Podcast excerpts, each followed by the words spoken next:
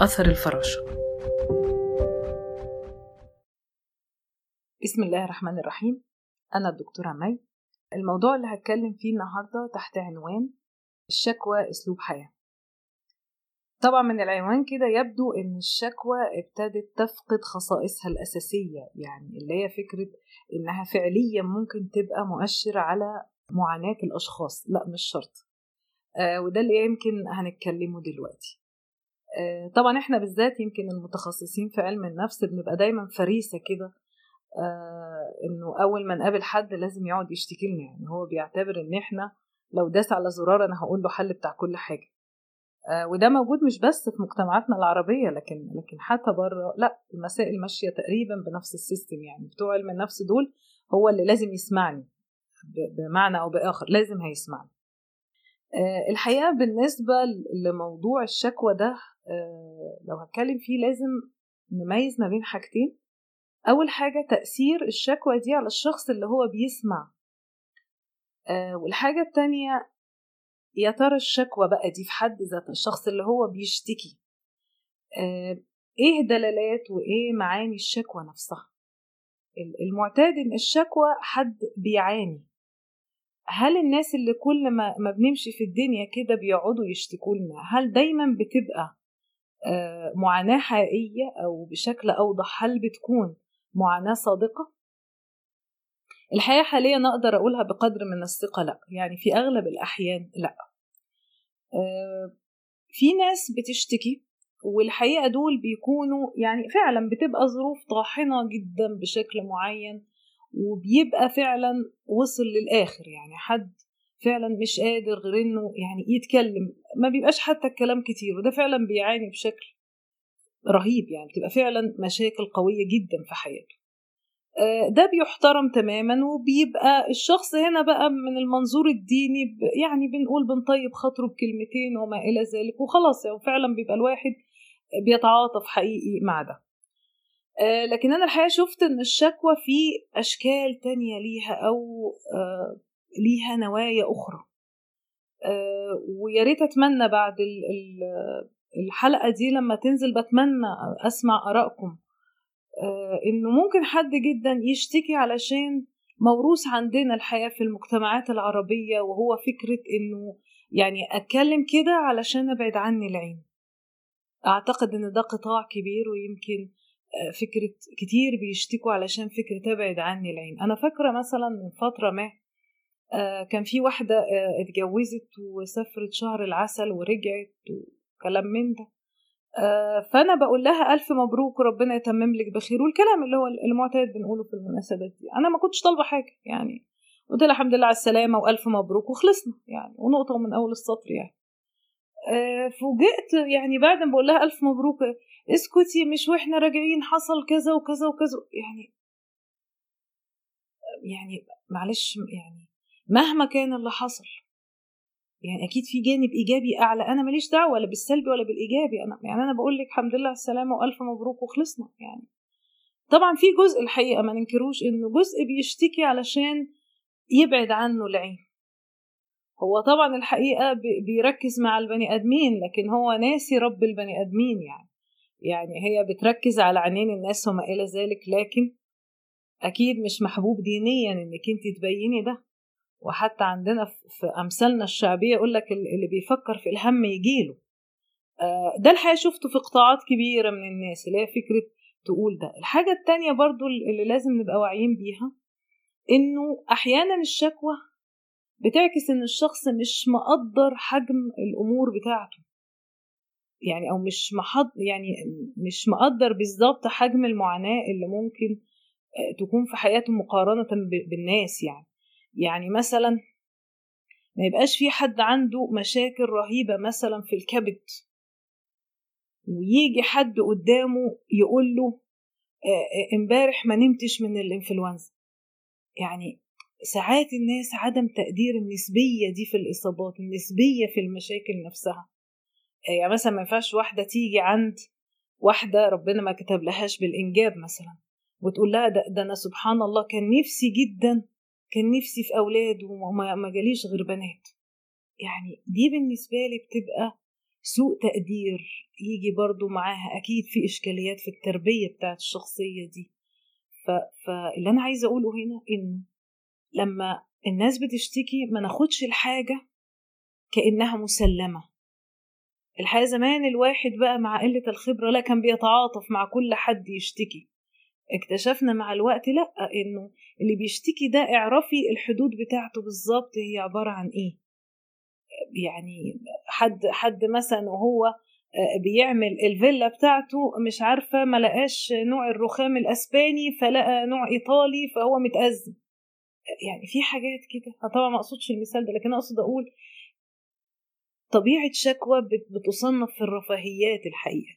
فلازم لما حد يشتكي لنا نكون واعيين بده. ما نتفاعلش على طول مع شوية المشاعر السلبية اللي بتبقى محيطة بالكلام بتاع الشكوى. لازم نعرف حجم الشكوى بالظبط إيه. كتير للأسف بقت المسائل كده. ما بقتش الشكوى ليها حتى الوجاهة بتاعتها ولا المصداقية بتاعتها ولا الحجم اللي يخلينا نحترم طبيعة الشكوى. فطبعا نبقى بس واعيين يعني هو الهدف هنا إن إحنا نكون واعيين إنه مش أي حد بيجي يشتكي لك تنفعلي وتتعاطفي. ده فيما يتصل بالشكوى لأنه معظم أنواع الشكوى بقت كده. أنا الحقيقة مخلية العنوان هنا إنه الشكوى أسلوب حياة لأنه يعني فعليا أنا يعني شايفاها إنه بقت إيه مع صباح الخير حد يشتكي شكوى كده يعني أو مساء الخير فيها شكوى. يعني المسألة ببساطة يعني أعتقد إن هي كده.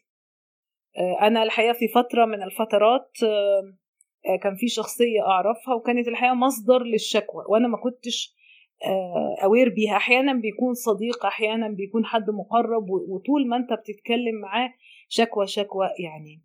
وكان الحقيقة في فترة كان ما كانتش بتشيع أوي الموبايلات كان أكتر اللي هو التليفون الأرضي. وبعدين اكتشفت حاجة غريبة جدا. كانت كل ما تكلمني مشاكل مشاكل كتيرة جدا جدا. أنا أنا ما كنتش مركزة قوي في المسألة.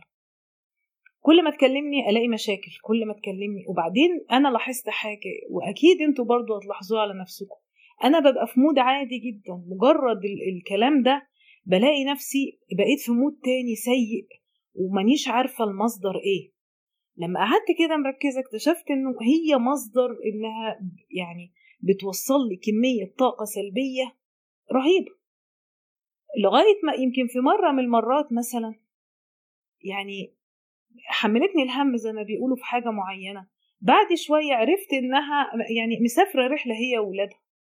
يعني فابتديت الواحد برضو يظبط المسألة. انت بترمي عندي مشاكلك وبتعيشي حياتك. ده هتلاقوه كتير يعني ده هتلاقوه موجع بس الوعي بيه هيكون رائع هيخلي حياتك لا تاخدي دنيتك أبسط. آه يعني ما تتعاطفيش قوي ما تتعمقيش قوي في اللي قدامك. وبعدين خدت قرار في لحظة إنه مفتاح سعادتي في إن أنا أشيل فيشة التليفون من الحيط لفترة. وكان الحل بسيط جدا تخيلوا كانت سعادتي في اللحظة دي وفعلا شلت الفيشة وخدت قرار إنه لأ. يعني إنه إنه المسائل دي وحتى دلوقتي في معظم كتب التنمية البشرية بيقولوا لازم تحيط نفسك بالأشخاص اللي فعلا أولا طبيعيين قادرين يستمتعوا بالحياة مع وجود مشقات عندهم يعني برضو ما إحنا مش قاعدين ليل ونهار بنضحك يعني. بس بس أوكي ما يبقاش المسألة طول الوقت نكد. الحياة من ده على ده يعني لا حزن هيقعد ولا السعادة هتقعد يعني ده مبدأ أساسي في حياتنا زي ما ربنا خلقها. لكن خليكي مع ناس قادرين يتجاوزوا. خليكي مع ناس بيشعوا طاقة إيجابية لأن ده بيفرق في حياتك وبيفرق حتى في تخطيطك لمستقبلك وبيفرق في صحتك.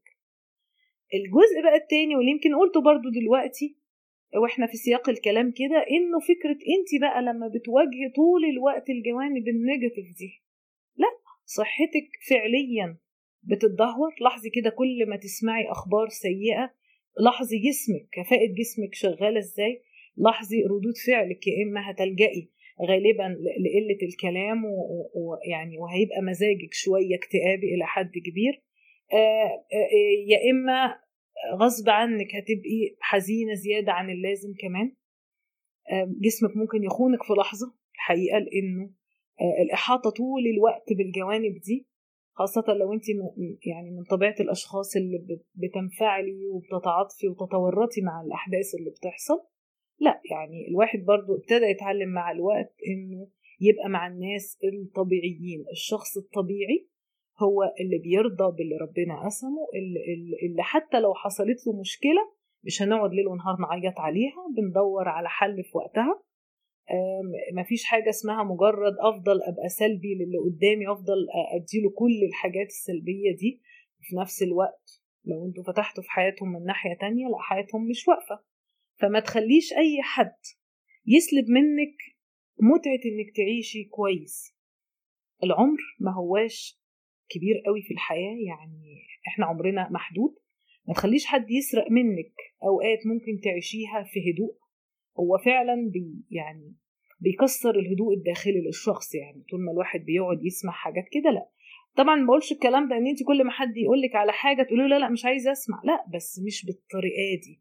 يعني خليكي على وعي إن إن ممكن الناس سواء بشكل عمدي أو غير عمدي مش دايما الشكوى قليل الشكوى اللي فعلا بتكون حقيقية وجوهرية ومحتاجة الواحد يتعاطف معاها وبتبقى طبيعية وما بتأثرش فيك لأنه خلاص انت فاهمة دي فعلا مشكلة حقيقية.